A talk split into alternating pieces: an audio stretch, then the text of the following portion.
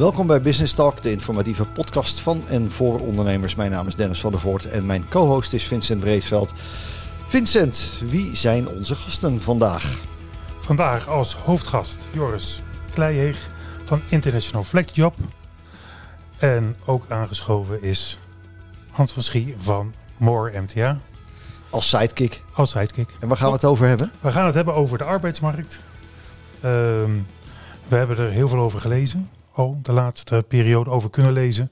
Eigenlijk staat hij nog steeds heel erg eh, gespannen. De arbeidsmarkt. Best wel raarrijk hè, in dit tijdsgevricht.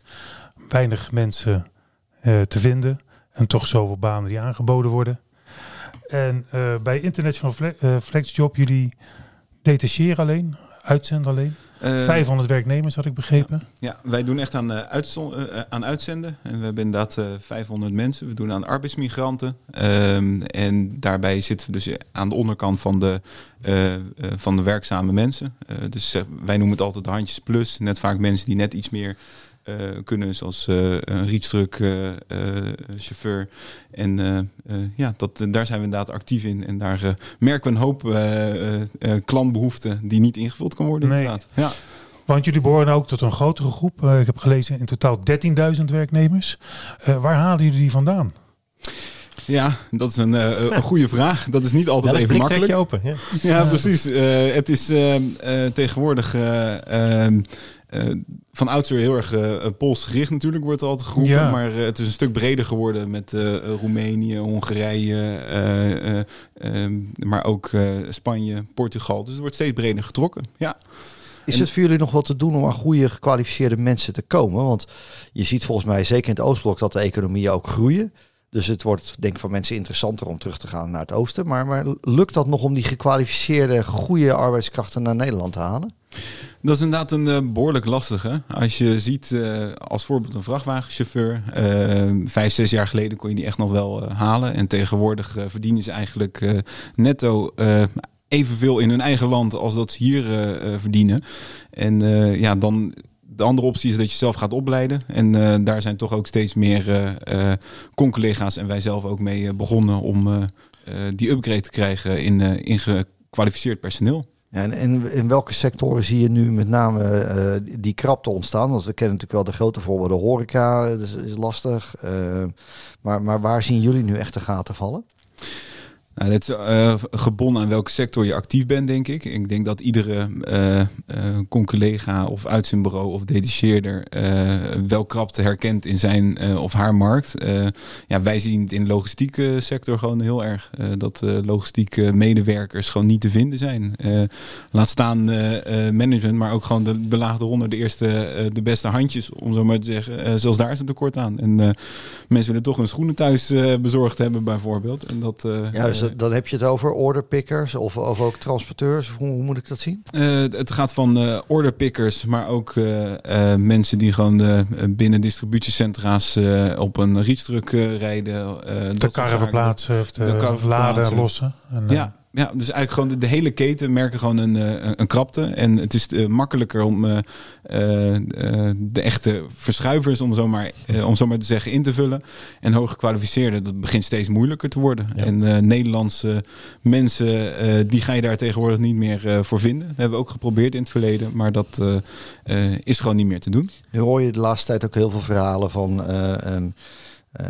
Ik ken allemaal de staatjes, denk ik wel uit de krant. Ik noem het maar, we zijn een beetje een lui volkje aan het worden. Want de gemiddelde werkduur voor de Nederlander is 28 uur per week. Je kunt ook andersom uitleggen. We werken echt enorm efficiënt, want in 28 uur krijgen we het allemaal voor elkaar. Dus dat is de, dat is de keerzijde van het verhaal. Ehm, maar hoe, hoe zit dat in die markt van, die, van, van dat logistieke werk of in die tuinbouw waar jullie actief zijn? Werken de mensen ook 28 uur of zijn dat gewoon nog de, nee, ja, noem het oude lullerig, de, de, de banen zoals wij ooit begonnen van 40 uur in de week? Eh, de mensen die hierheen komen, die willen gewoon echt vol hun eh 40 uur eh, eh, maken. En dat is ook nog meer zeker. Ja. Ja, en, en liefst nog Ja. meer inderdaad. Ja. Maar goed, dat is ook aan banden binnen de certificeringen dat dat niet mag. Dus dat is denk ik ook hartstikke goed. eh, dat ze beschermd worden daarin.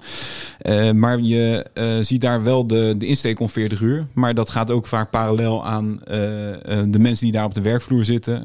Dus je ziet ook al dat het soms 36 uur is. Maar het is wel echt gewoon volle fulltime banen. Er, er komt echt niemand hier om voor 22 uur te gaan werken. Nee, dat echt niet. Nee, is het dan ook zo dat jullie eigenlijk die mensen ook voor tijdelijk eh, laten overkomen, laat ik het dan maar zo noemen? Of is, of is het eigenlijk ook meer zo dat jullie uh, laten en mensen die hier al heel lang blijven eigenlijk en dan van job naar job gaan? Dat lijkt me zo lastig als je voor een bepaalde tijd ergens iemand moet plaatsen, of tien mensen of honderd, dat aantallen maken eigenlijk niet uit, dat je die eerst naar het buitenland moet halen en dan maar een x-periode kan laten werken en dan weer moet terugsturen. Zit nou, er nog een... Uh, dat doen wij niet terugsturen. Wij zorgen wel altijd dat er geheim volgende opdrachten... De, het geheim. ja. nou, uh, het belangrijkste is om huisvesting te vinden. Maar dat is ja. een ander vraagstuk ja. uh, weer. Maar dat heeft misschien ook deels met de krapte te maken. Onder andere Schiphol is natuurlijk denk ik een voorbeeld. Er wordt wel geroepen dat, er een, dat het personeel te weinig verdient daar. Maar eigenlijk ligt het volgens mij aan de huisvestingkrapte. Hetzelfde met lerarentekorten en dat soort zaken. Dus ik denk dat huisvesting wel degelijk een belangrijke bron is van, van krapte op de arbeidsmarkt. Uh, maar eigenlijk uh, ons geheim met arbeidsmigranten is uh, ja, dat de markt dermate krap is dat je ze altijd wel kan doorplaatsen naar een volgende opdracht. Ja. Ook als ze seizoenspatronen zijn. Vroeger zag je dat mensen echt voor bijvoorbeeld de zomerperiode gehaald werden. En dan weer nu, teruggingen, precies. Ja. Precies, maar nu hoef je ze niet terug te sturen. En je ziet ook steeds meer dat arbeidsmigranten ook graag hier willen settelen. Willen en, blijven, ja. En, dat en die gewoon echt, wij geven ook Nederlandse lessen. ze willen zich echt gewoon ontwikkelen hier en gewoon integreren. Ze, ze vinden een prettig leven hier. Maar ja, ook zij lopen aan tegen de huisvestingsproblematieken. Uh, maar dat is wel iets wat je gewoon heel erg uh, merkt. Dat je wel meer kan bieden aan, aan de artsmigranten. Ehm, en ja, dat ze dat ook prettig vinden. Ja. De indruk is wel dat er op dat gebied heel weinig kan. Hè, op het gebied van huisvesting. Ja, dat. Uh... jullie hebben niet één kamertje nodig of één flat. Of, hè, het gaat natuurlijk om grotere aantallen, neem ik aan. Ja, klopt. Dat je beter wat grotere uh, ja, gemeenschappen of uh, ja, wat grotere gebouwen, even plat gezegd, eigenlijk wil hebben. Dat speelt natuurlijk denk ik in de hele, hele arbeidsmarkt wel. Je ziet het ook in, in uh, praktisch geschoold werk. Waar mensen niet graag een uur heen en weer reizen naar hun werk, maar dan toch liever maar in het eigen dorp of in, laten we zeggen, op fietsafstand 10, 15 kilometer van hun woonplaats willen, willen werken. Uh, ik denk dat we allemaal herkennen. Uh, eigen kinderen die, die het huis niet uitgaan omdat ze geen woning kunnen vinden. En, maar voor die arbeidsmigranten, Joris, dat, dat gaat niet per se om wonen, maar dat is toch meer een logiesachtige vorm voor die mensen die tijdelijk in Nederland zijn? Ja, het gaat meer om een logiesachtige vorm. Omdat ze toch vaak, ook al willen ze wat langere periode blijven, maar gemiddeld genomen is het toch na acht maanden tot twaalf maanden dat ze ook, ook hier tijdelijk gekomen zijn. En het is inderdaad een tijdelijke vorm van bewoning. En dat is heel moeilijk, omdat het ook concurreren is met de rest van Nederland, maar ook gewoon de asielzoekers. Uh, ja, we kennen die verhalen in de kranten allemaal wel. Uh, Oekraïners ook, hè? Dat je ja. ook nog. Dat, ja. ja. ja. met Oekraïners, ja, dat hebben we ook zeker gemerkt. En dat helpt allemaal niet mee met arbeidskrachten die we op dit moment uh, hebben. En asielzoekers, uh, uh, ja, in ieder geval Oekraïners zijn we wel gaan inzetten. Dus ik denk dat dat in ieder geval een positief signaal is. Ehm, maar ik denk dat we daar serieus over na moeten denken. Hoe, hoe behandelen we deze groep mensen ook om te helpen met de arbeidskrapte die we in Nederland kennen? als je dat in breder perspectief ziet, hè, die, die arbeidskrapte, um, um, dat is er nu. ik, ik denk dan altijd, ja, dat hadden we 30 jaar geleden al kunnen zien aankomen als je naar de demografische opbouw van ons land kijkt. De babyboomers zijn inmiddels ja. nu al met pensioen. Ja. Uh, daarna komt de generatie waar een deel van de heren aan tafel uh, uh, in, invalt over een jaar of 15. En hoe, hoe, ziet dat er dan over tien jaar uit? je hoort vaak, nou dat houdt wel een keer op met die arbeidsmigranten, maar dat houdt toch helemaal nooit op? Ja, ik denk dat we trots mogen zijn op Nederland dat we zo'n uh, welvarende economie hebben en dat we ook heel veel bedrijvigheid hebben. En uh, wil je dat overeind uh, houden, dan zul je toch met mensen op de pop moeten komen.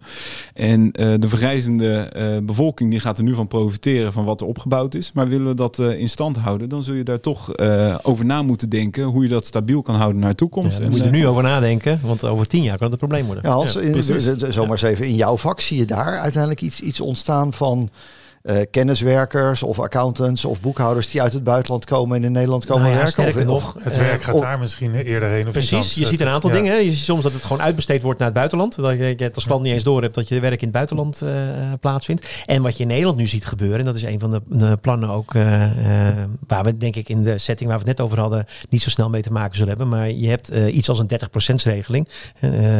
als er, nog wel. Die, nou ja, precies, nog wel. Hè. Als, als, als er mensen mensen zijn uit het buitenland die hier naartoe zouden moeten komen omdat we in Nederland die kennis niet hebben, dan, dan is daar een bepaald fiscaal voordeel. 30% van het, even heel simpel zeggen, van het bruto salaris mag je netto uitbetalen. En dat wordt nu zometeen uh, gemaximeerd tot aan de balken en de norm. En ik snap dat we het hier over medewerkers hebben die absoluut niet aan de balken en de norm, nee, balken en de norm toekomen. Maar het is wel een signaal, denk ik, dat, dat er dus in, juist in dat hele hooggekwalificeerde personeel, hè, dan heb je het waarschijnlijk over IT'ers en dat soort, soort mensen. Nou ja, dan wordt er uh, vaak over expats gesproken. Maar, maar bottom line en, zijn die expats natuurlijk niet wezenlijk anders dan die logistieke dat, mensen dat van toch even aanhalen, want het gaat uiteindelijk dus over hetzelfde. En daar zie je dus dat de politiek daar ook bepaalde bewegingen maakt die je dan eigenlijk niet helemaal kan begrijpen. Want die 30%-regeling was denk ik juist voor die experts een prima regeling.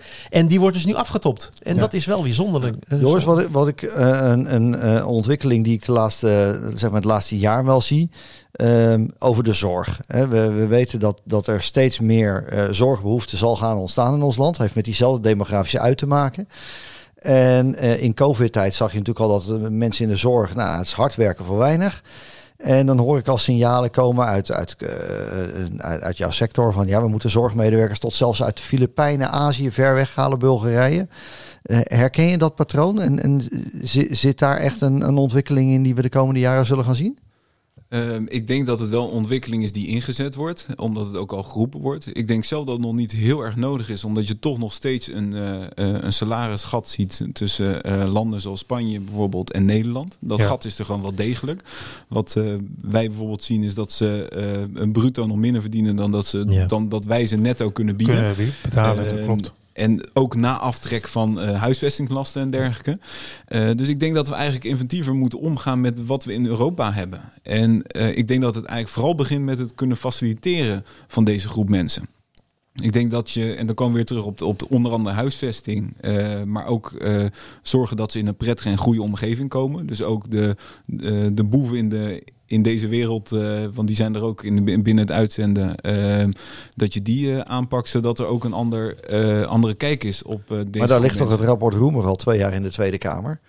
Daar, dat is een hele goede. Om wat te doen aan die, aan die uitzendsector. Daar, want daar zit heel veel kaf tussen het koren. Hè. De, de, de, er zijn nog steeds uitzendbureaus die er een potje van maken. Ja. En die halen toch maar continu het nieuws. En, en leiden daar de partijen die wel goed willen niet gewoon heel erg onder? Ja, dat, uh, dat ben ik helemaal eens. Omdat je ziet wat. Uh, er zijn een heleboel goede certificeringen. Uh, denk aan huisvesting met SNF-certificering. Maar denk ook aan de CEO's. Je hebt de MBU, je hebt de ABU. Het zijn gewoon hele goede certificeringen die inderdaad meedenken en meewerken aan het rapport Roemer. En dat gaat in mijn mening gewoon naar de, de goede richting. Het enige is dat maar een relatief klein deel zo gecertificeerd is. En daar lopen wij wel tegenaan. Tegen wij moeten soms ja. concurreren ja. met partijen die er gewoon een loopje mee nemen, die de pensioenen dus niet afdragen. Je bent ook een voorstander van het herinvoeren van de vergunningplicht misschien, hè? Dat, uh, dat ze die stemmen gaan... Uh, die gelijke monniken, gelijke kappen. Ja. Daar ben ik uh, het zeker mee eens. En dan ga je een hoop recht trekken. We hebben daar... het afgeschaft hè, al jaren geleden. Ja, volgens mij ligt er nu een concept van wet ja. om dat te doen. En volgens mij moet je dan zelfs ook een ton storten om...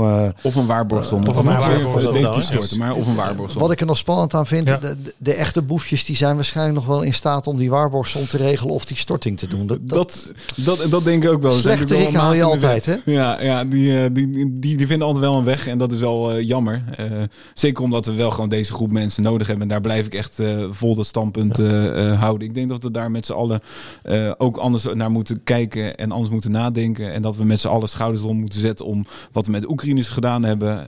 om dat ook voor deze groep mensen. Want uiteindelijk, wij zijn bijvoorbeeld ook bij de Albert Heijn gewoon met vakkenvullen begonnen. ook dat soort dingen. Je wilt toch ook je boodschappen kunnen doen. En er is dermate krapte dat we met z'n allen daaraan uh, mee moeten werken, denk ik. Ik had eigenlijk heimelijk gehoopt dat wij uh, uh, het arbeidsmarktprobleem wel even zouden oplossen met z'n vieren. Eindelijk. maar goede ideeën zijn er in ieder geval genoeg. Dankjewel voor je, voor je komst. Hans ook, dankjewel voor je komst. Dit was de Business Talk podcast over de arbeidsmarktproblematiek. mijn naam is Dennis van der Voort, co-host Vincent Breedveld. Tot een volgende keer.